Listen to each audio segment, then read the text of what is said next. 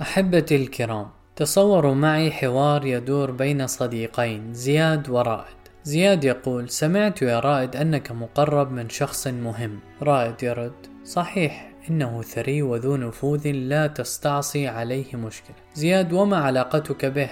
رائد إنه صديقي على استعداد أن يقف معي في أي مشكلة. يؤكد علي دائما ألا أطلب المساعدة من غيره. وبعد أيام من هذا الحوار. رائد يقول آه يا زياد أنا قلق من ماذا؟ وقعت في مشكلة من مدة وبدأ صبري ينفذ أحس بالخوف من المستقبل أحس بالوحشة بالضياع أحس بالضعف وأنا أقف وحدي أمام هذه المشكلة عجيب أمرك يا رائد ما العجيب في الأمر؟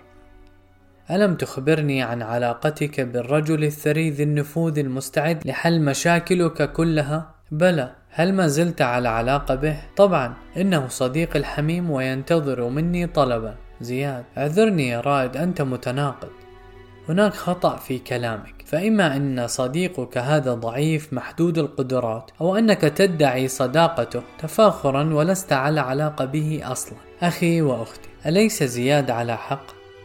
أليس رائد متناقض في دعواه؟ قبل أن تتحامل على رائد انتبه أخشى أن نكون مثله. ألسنا نعلن أننا نؤمن بالله وأننا نعبده؟ فنقرأ في صلاتنا في اليوم الواحد إياك نعبد سبع عشر مرة. على الأقل ونستعين به فنقرأ وإياك نستعين. سبعة عشر مرة أيضا ونعتقد أن الله تعالى معنا ونتوكل عليه فنقول بسم الله توكلت على الله. ونردد كثيرا حسبي الله ونعم الوكيل. ونعلن أننا مسلمون قد أسلمنا أمرنا لله تعالى فنردد إذا أوينا إلى فرشنا كما علمنا رسول الله. اللهم أسلمت نفسي إليه ووجهت وجهي إليه وفوضت أمري إليك وألجأت ظهري إليك. ونردد صباح مساء رضيت بالله ربا أي خالقا رازقا مدبرا لأمورنا.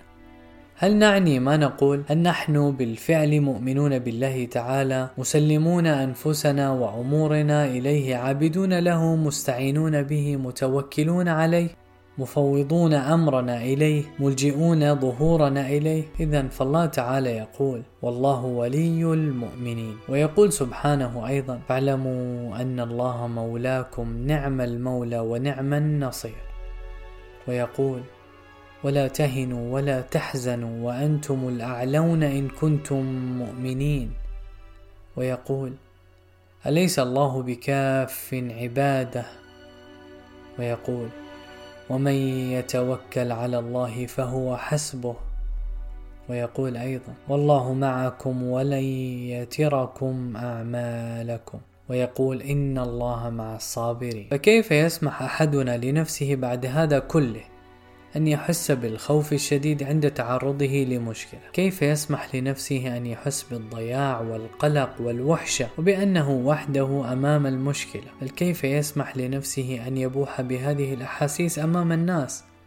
أين إيماننا؟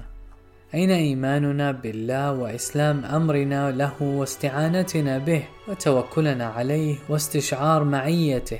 ألا نستحي من الله بعد ذلك أن نشكو الوحدة والضياع والضعف والقلق من المستقبل؟ ألسنا حينئذ متناقضين مع أنفسنا؟ إنه ليس لتناقضنا هذا تفسير إلا واحد من ثلاث. واحد إما أن ادعاءنا الإيمان والتسليم والتوكل والاستعانة ادعاء باطل مع أننا نكرره في اليوم عشرات المرات. وحينئذ فيخشى أن نكون كمن قال الله فيهم يقولون بألسنتهم ما ليس في قلوبهم. اثنان أو أننا توكلنا على الله فخذلنا واستعنا به فتركنا وأسلمنا أمرنا إليه فضيعنا. تعالى الله عن ذلك علوا كبيرا فهو القائل ومن يتوكل على الله فهو حسبه وأيضا ومن أصدق من الله قيلا. ويقول وعد الله لا يخلف الله وعده.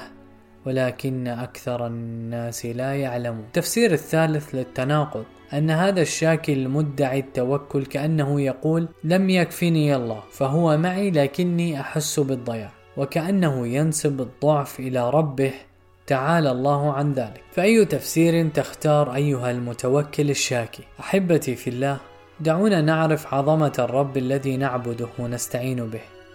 إنه العظيم العزيز الجبار المهيمن القوي المتين القاهر المسيطر وهو على كل شيء قدير. فعيب أن نشكو الضعف وهو معنا. إنه الرحمن الرحيم الودود البر الشكور اللطيف الحليم القريب. فعيب أن نشكو الوحشة وهو معنا.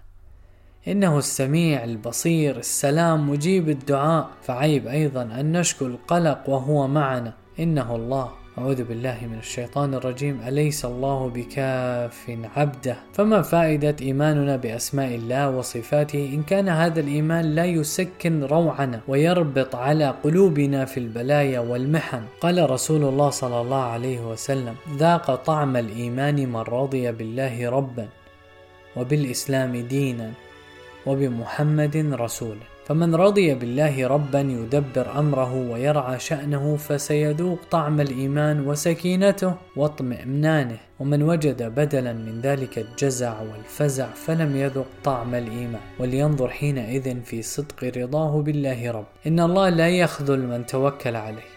إنما نحن الذين قد لا نحسن التوكل. أخي المبتلي لا تشكو الله إلى الخلق أرجوك فليسوا أرحم بك من الله. لا تشكو الله إلى الخلق أرجوك لئلا تشمت من الأعداء الذين سيقولون حينها أين معونة ربكم؟ أين معونة ربكم التي زعمتم كما قال أسلافهم فيما حكاه الله عنهم؟ غر هؤلاء دينهم فرد الله عليهم.